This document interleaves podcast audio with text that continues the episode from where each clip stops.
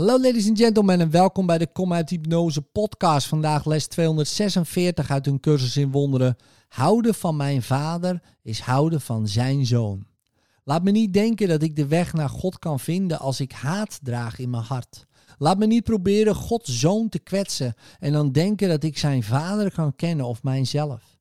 Laat niet toe dat ik mezelf niet herken en desondanks geloof dat mijn bewustzijn mijn vader kan omvatten. Of dat mijn denkgeest zich een voorstelling kan maken van alle liefde die mijn vader voor mij heeft en alle liefde die ik hem teruggeef. Ik zal de weg aanvaarden die u, mijn vader, voor mij kiest om tot u te komen. Want daarin zal ik slagen. Het is immers uw wil. En ik wil inzien dat wat u wilt evenzeer is wat ik wil en niets dan dat. En dus kies ik ervoor te houden van uw zoon. Amen. In liefde, tot morgen.